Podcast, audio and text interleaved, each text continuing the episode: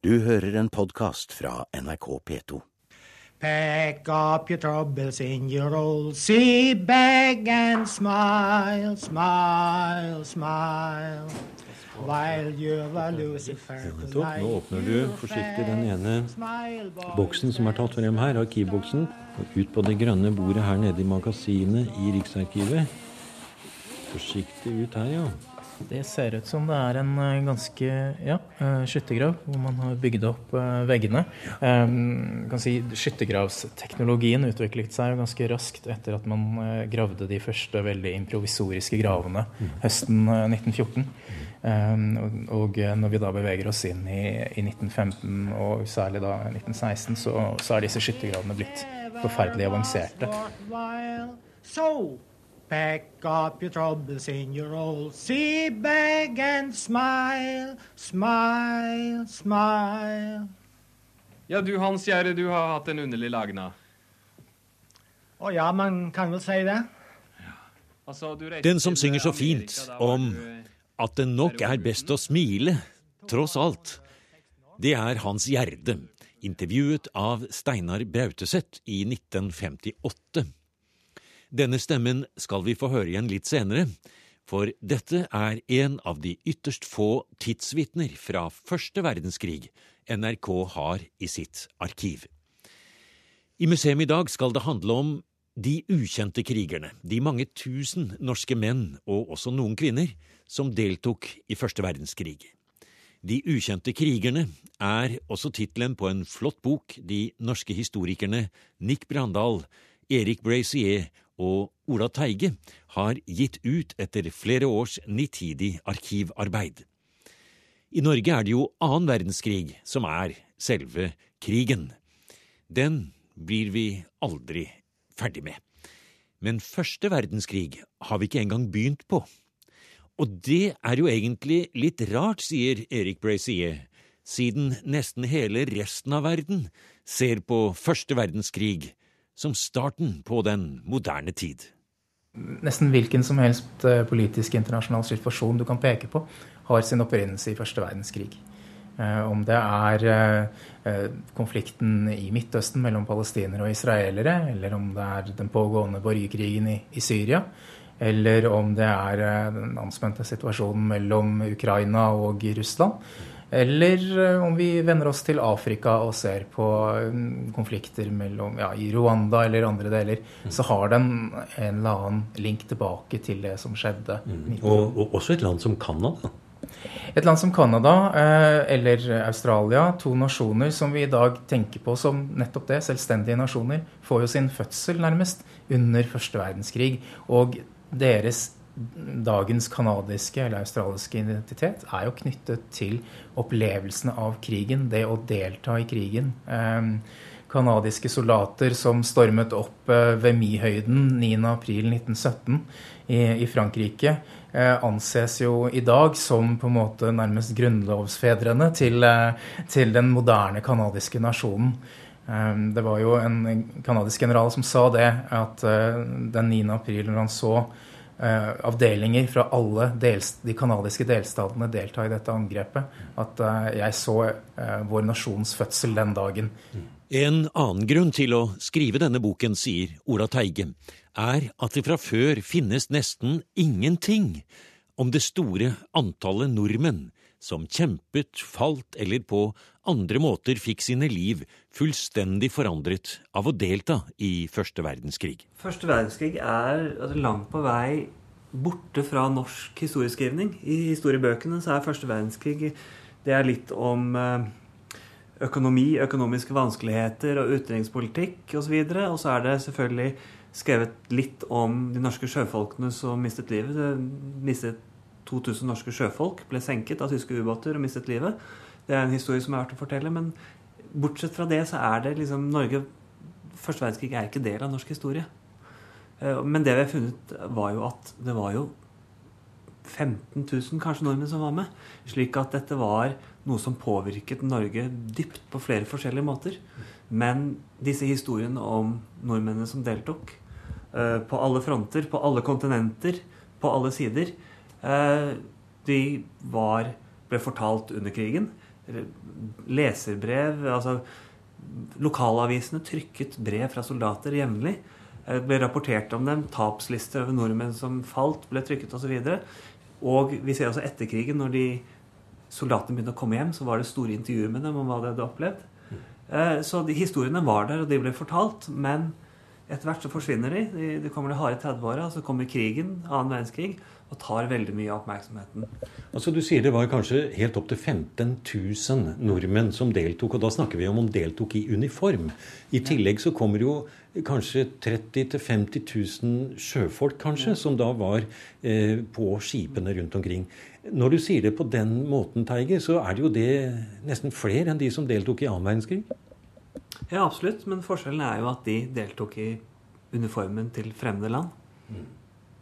Så deres historier liksom er blitt del av familiehistorier. Vi har jo brev som er blitt tatt vare på, og det er blitt del av lokalhistorier. Men det er ikke blitt løftet opp og blitt del av den nasjonale historien, for Norge var jo ikke med. Nasjonen Norges politikk var nøytralitet. Slik var det både i første verdenskrig og helt fram til 9. april 1940. Men det som skjedde i 1914, var at tusenvis av emigrerte og strandede nordmenn over hele verden strømmet til vervekontorene og ville kjempe for sitt nye fedreland eller det landet de oppholdt seg i.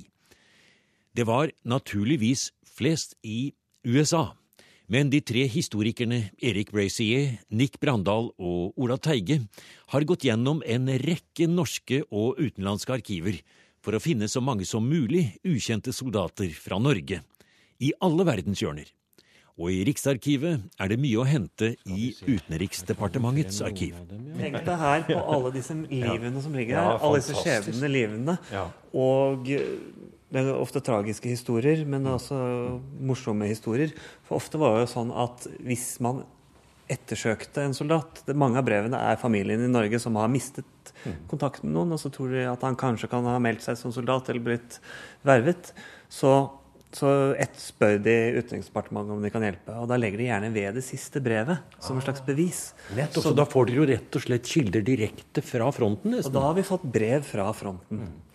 Her står det nå 1, 2, 3, 4, 5, 6, 7, 8, 9 store eh, eh, arkivbokser utover på bordet her nede i kjelleren i Riksarkivet. Eh, og la oss se, Brandal, her, her, tar du opp igjen, som du løfter opp, og den er fra Australien, som det står. Utenriksdepartementet. Der er ei mappe med pensjon til falne krigeres efterlatte. Det er rett og slett da kontakt om, om pensjoner, krigspensjoner til, til etterlatte. Det, det, her var jo før eh, hva si, De hadde ikke noen folketrygd i Australia heller på det tidspunktet. Og da tegna de forsikringer, eh, private forsikringer, ofte som soldatene betalte inn til. Og så spurte de om de hadde opprettholdt eh, betingelsene for forsikringa mens eh, huska betale premiene under krigen, og om si, forsikringsvilkårene tilsa at slektningene kunne få ut. Og Det var ofte en lang kamp. Eh, det, det siste brevet fra USA til Norge kom vel i mai 1940. En av, liksom, av spørsmålene vi har badet med, er jo når vi skriver om nordmenn i første verdenskrig så er jo et av hovedspørsmålene hvem er norsk? Hvem regner man som norsk? Og vi ser jo at i datiden, i datidens aviser så var begrepet veldig vidt. Det var nok å ha norsk far eller mor, eller ha norske aner, så var man en norsk helt så god som noen i avisenes øyne. Eh, og Utenriksdepartementet er også De hjelper alle, nær sagt uansett. Og de, altså, de har et veldig vidt begrep om hvem som er norsk. Og i USA veldig mange emigrantene hadde ikke brydd seg med å ta statsborgerskap, eller de hadde tatt delvis statsborgerskap. For de skulle kanskje hjem igjen? De skulle kanskje hjem, og ofte var det sånn at man i USA så måtte man først ta det som het first papers, og så måtte man være der i fem år, så kunne man ta second papers og bli statsborger. Mm. Og hvis man bare var der, så tok man first papers som bare sånn mm. i tilfelle man ville bli.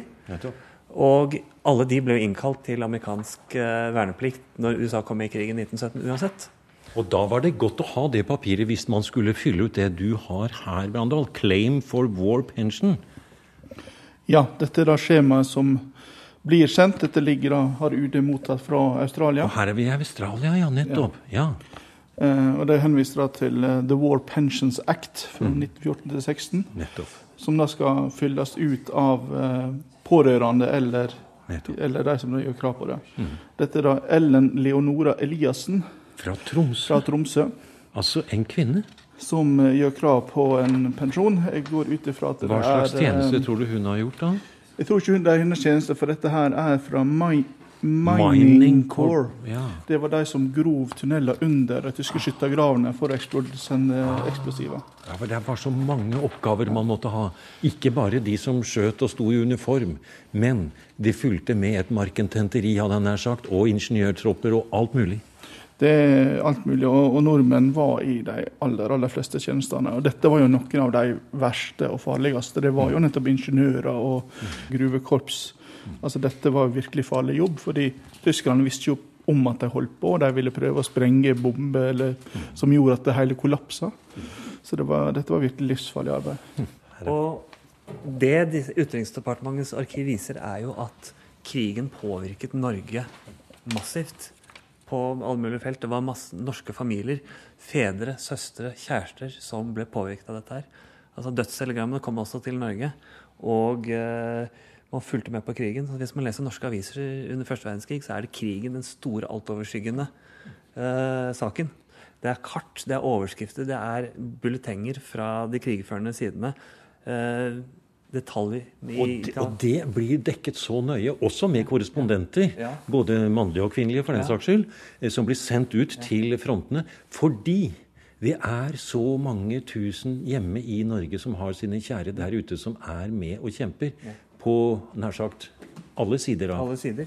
Og husk at dette er en globalisert verden. Vi tror gjerne at verden er globalisert i dag, men det var en virkelig globalisert verden for, for Norge. Husk at det var 50 000-60 000 norske sjøfolk som var ute i handelsflåten. Veldig mange av dem ble strandet ute når eh, krigen brøt ut, og hadde gjerne ikke noe valg annet enn å måtte melde seg, for de ble sittende fast i fremmed land uten mulighet til å tjene penger. Eller hvis de hadde gått i land noen år før, så var de de første som mistet jobben som utlendinger. Eh, og de måtte bevise sin lojalitet. I Australia så kan man Det er ikke lett å høre forskjell på norsk og tysk. Og når krigen brøt ut, så kom det en økonomisk krise, og da var det disse som mistet jobbene sine. Og da var ofte det å verve seg den eneste muligheten for disse. Så vi finner veldig mange sjøfolk i materialet vårt, spesielt i Canada og i Australia. Altså, du, du kan si at på samme måte som i dag, så er det jo enormt mange norske studenter som reiser ut for å oppleve eventyret, 'Tanken år i utlandet. På den tida så var det å reise på sjøen det samme. Det var den måten man kom seg ut. Og så kunne man hoppe av en båt og ta noen år i Australia eller i New Zealand, før man da mønstra på igjen en, en annen båt. For det kom alltid en norsk båt som man kom seg hjem. Bare det at nå gjorde det ikke lenger. Nettopp. Det fører også til at veldig mange av disse, i spesielt Australia og Canada, er norske arbeiderklassegutter. eh, Sjøfolk eh, fra kystbyene. Sandefjord, Fredrikstad, Halden, eh, Drammen, Kristiania. Og der hvor vi kan liksom se tjenestepapirene I Australia så kan man se tjenestepapirene, for det er lagt ut på nettet. Så er det bl.a. helseundersøkelser med nitidig opptegnelse av alle tatoveringer. I starten av programmet hørte vi stemmen til Hans Gjerde, tatt opp i 1958, da han var kommet hjem til bygda Hyllestad i Norge for godt. Gjerde var da amerikansk krigspensjonist, etter et langt liv som eventyrer, er vel det rette ordet. I 1960 ble han berømt over hele Norge da boken om hans liv, Én sjel og én skjorte, solgte i 15 000 eksemplarer. Gjerde flakket rundt i USA som ung tenåring. Han var togloffer og tok jobber her og der. Da USA kom med i krigen i 1917, slo han mynt og kron en dag han møtte en vervingsoffiser. Og så var han innrullert og snart ved fronten i Europa. Vi har funnet ham i kildene, sier Nicolai Brandal, som nær sagt merkelig nok har funnet ut at de fleste av Gjerdes fantastiske historier stemmer. Her lar vi Gjerde fortelle litt om hva som skjedde da han etter en tjuvperm til Paris kjempet seg tilbake til fronten for å være med i et siste slag natt til den 11. i 11. 1918. Så kom vi opp omtrent halvveis. Da traff jeg uh, en flokk som kom tilbake. De var syke. Det var spanske syke som herja der. Og ut av dem var en som var i laget mitt. En ung newyorker. Og han sa gå ikke tilbake. Krigen er snart slutt, og de skal gjøre et, et nattangrep. Kom bare og vi reiser tilbake til byen. Jeg sa nei, ikke tale om. Jeg meldte inn, jeg skal tilbake. Så lå vi der og skjøt borti skogen. Tyskerne var på østsida av Måsfloden, og vi var på vestsida, oppå en haug. Og det var et lite bakkehall i skogen der de var òg. Og da angrep vi. Rykte fram, altså. Det var natta til den 11., eh, det? Ja, natta til den 11. Ingeniørene våre hadde, hadde bygd pantongbrua der over elva. Så den var helt i orden til å gå over for oss når vi kom. På venstre side, på venstre flanken, så var tyskerne i skogen, og vi var ute på det åpne. Og når vi hadde kommet fram et lite stykke, så begynte livet for alvor. Skyting, altså.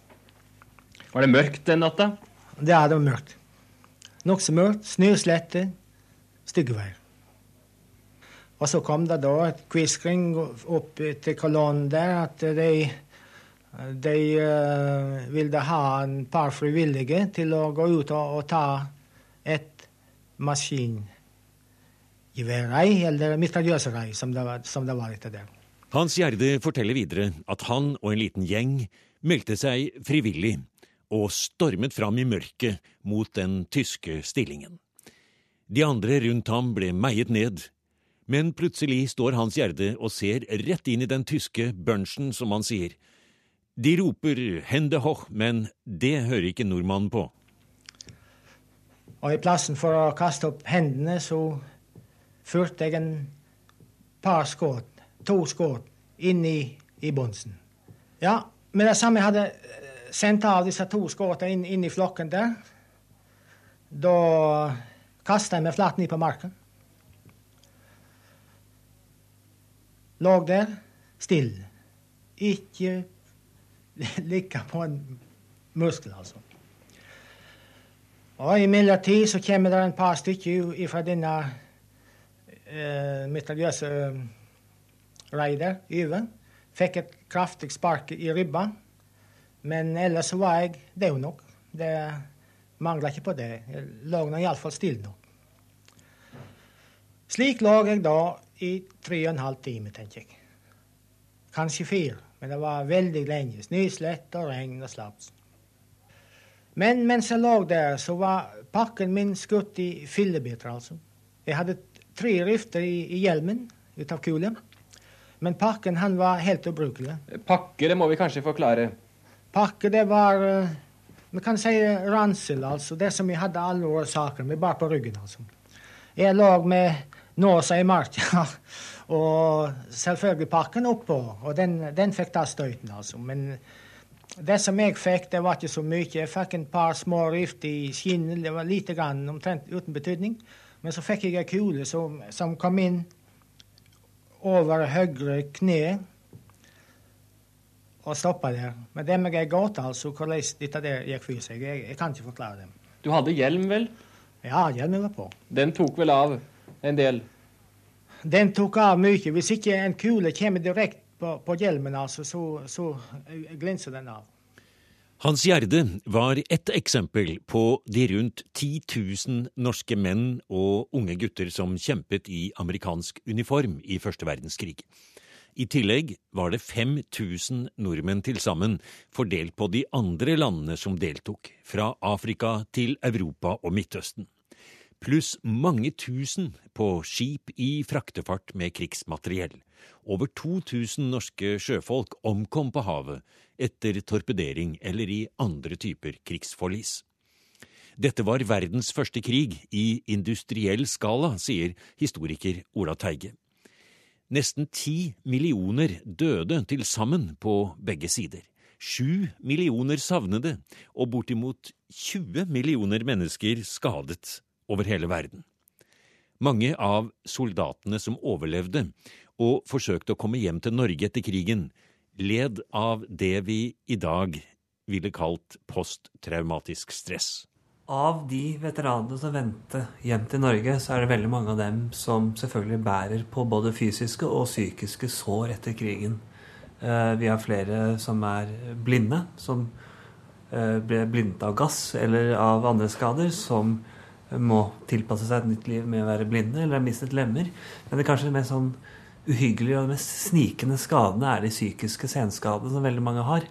Eh, noen av dem er psykisk forstyrret, har, fått det man da kalte skjellsjokk. Mm. Eh, og er psykisk forstyrret, mens hos andre så er det noe, som utvikler seg gradvis over tid. Blant annet vi har jo eh, historier om norske krigsveteraner som bodde på gata som uteliggere, alkoholikere, i Oslo på 1920- og 30-tallet. Eh, en som var på ble satt inn på Gaustad, men rømte, og det ble stor politijakt med det er, det er, jo nesten umulig å ikke tenke på krigsseilerne ja, fra annen ja, verdenskrig. Ja, og de slet nok med veldig mye av det samme. I tillegg til den forferdelige måten krig ble ført på i skyttergravene. Med artilleriangrep, med meningsløse stormangrep, gass, og at døden kunne komme når som helst. Fra norske krigsveteraner i fransk tjeneste så har vi ganske god beskrivelse av det å være i krig, og en av dem eh, Willy Peters sa at det verste var med å være i krigen, var ikke at det var ukomfortabelt og det var sølig og det var vått. og sånn, Det var ille nok, det. Men det verste var at han så at menneskeliv ble så billige. Folk døde rundt han hele tiden. Kamerater døde. Og til slutt så bare trakk han på skuldrene. Å ja, er han død? Ok. Og det tok på han, og selvfølgelig satte det spor. I boken De ukjente krigerne forteller historikerne Ola Teige, Nick Brandal og Erik Brazier detaljert om krigens gang. De har funnet en rekke fotografier, de forteller store og små historier om norske menn og kvinner som var med på alle fronter, fra krigsentusiasmen i Paris, den franske fremmedlegion, og til bakholdsangrep og geriljataktikk i belgisk Kongo i det store og fascinerende materialet historikerne har funnet, og som de presenterer på en faglig sterk og samtidig nesten filmatisk meddrivende måte, dukker det også opp noen kvinner. Hilda Samsing er en av dem, sier Erik Brazier. Eh, Hilda Samsing eh, er jo da en av de som har emigrert eh, før krigen. Hun kommer opprinnelig fra Borre. Eh, men reiser med familien eh, en del år eh, før krigen bryter ut, til Australia. Hvor hun utdanner seg etter hvert som sykepleier. Og hun blir bestyrerinne på et av de større og mest anseelsesfulle sykehusene i Melbourne i Australia. Så, er, så, når krigen kommer ut, så har hun en ganske solid posisjon innenfor helsevesenet. Og er en av få Eh, australske, eller kan vi si norske kvinner, som får da muligheten til å reise til fronten. Man hadde jo man hadde et litt sånn ambivalent forhold til dette her med å sende kvinner til fronten. Eh, men hun er en av de få utvalgte. Eh, så hun blir først sendt til Egypt og være med på å etablere de store australske feltsykehusene der. Og så da i våren 1915 så er hun til stede som sykepleier når man går i land ved Gallipoli Eh, hvor britiske militærmyndigheter bl.a. hadde unnlatt å utstyre soldatene med vinterutstyr. Eh, noe som førte til at eh, et sted mellom 6000 og 7000 britiske soldater omkom pga. frostskader.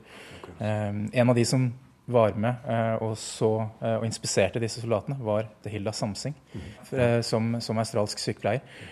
Og hun er da er sannsynligvis den eneste kvinnen som var i land på Gallipoli under slaget. Og hun så disse, alle disse froskadde soldatene. Eh, og eh, kort tid etter det så skriver skrev hun i sin dagbok at nå har hun fått nok, nå vil hun tilbake til Egypt. Så det er faktisk en av årsakene til at hun Altså hun får et, et, et slags sammenbrudd etter å ha sett hvor forferdelig krigen har vært med disse soldatene, som ikke har blitt skadet i kamp eller noe annet, men rett og slett pga. dårlig planlegging, så, så dør mange av dem. Første verdenskrigsveteran Hans Gjerde hadde sett krigens redsler ved slagene i Verdun, Marne, Champagneskogen og spilt død i kuleregnet i tre timer ved Mont Blanc. Og da han ble intervjuet av NRK i 1958, satt han i barndomshjemmet i Hyllestad med flere granatsplinter i kroppen. Men det gikk nå greit, det også, mente Gjerde, som kom hjem med amerikabåten i 1933. Og hvordan han hadde greit å overleve krigen? Vel, når det sto på som verst, så tok de tjuvperm og rømte til Paris, fortalte han. Vi hadde ikke mye penger, men vi tjuvåka rett og slett på gammel amerikansk stil og kom tilbake til Paris. Drikke litt, danse litt og spille oss litt. Vet du. Var, vi hadde ikke stort nok annet vi kunne ta oss til. Det er det de kaller piger, vin og sang, da? Ja, vi får si det. She's my little mademoiselle, she's my little mademoiselle. The first thing you do, you ask her for a kiss. The next thing you do, you press it on her lips. She's my Sherry, she's my Sherry. Whiz bang, I don't give a damn, she's my little madamo. Who's little madamo? My little mademoiselle. Du har nå hørt en podkast av programmet Museum fra NRK P2. Og send gjerne en e-post til museum.krøllalfa.nrk.no. nrk.no.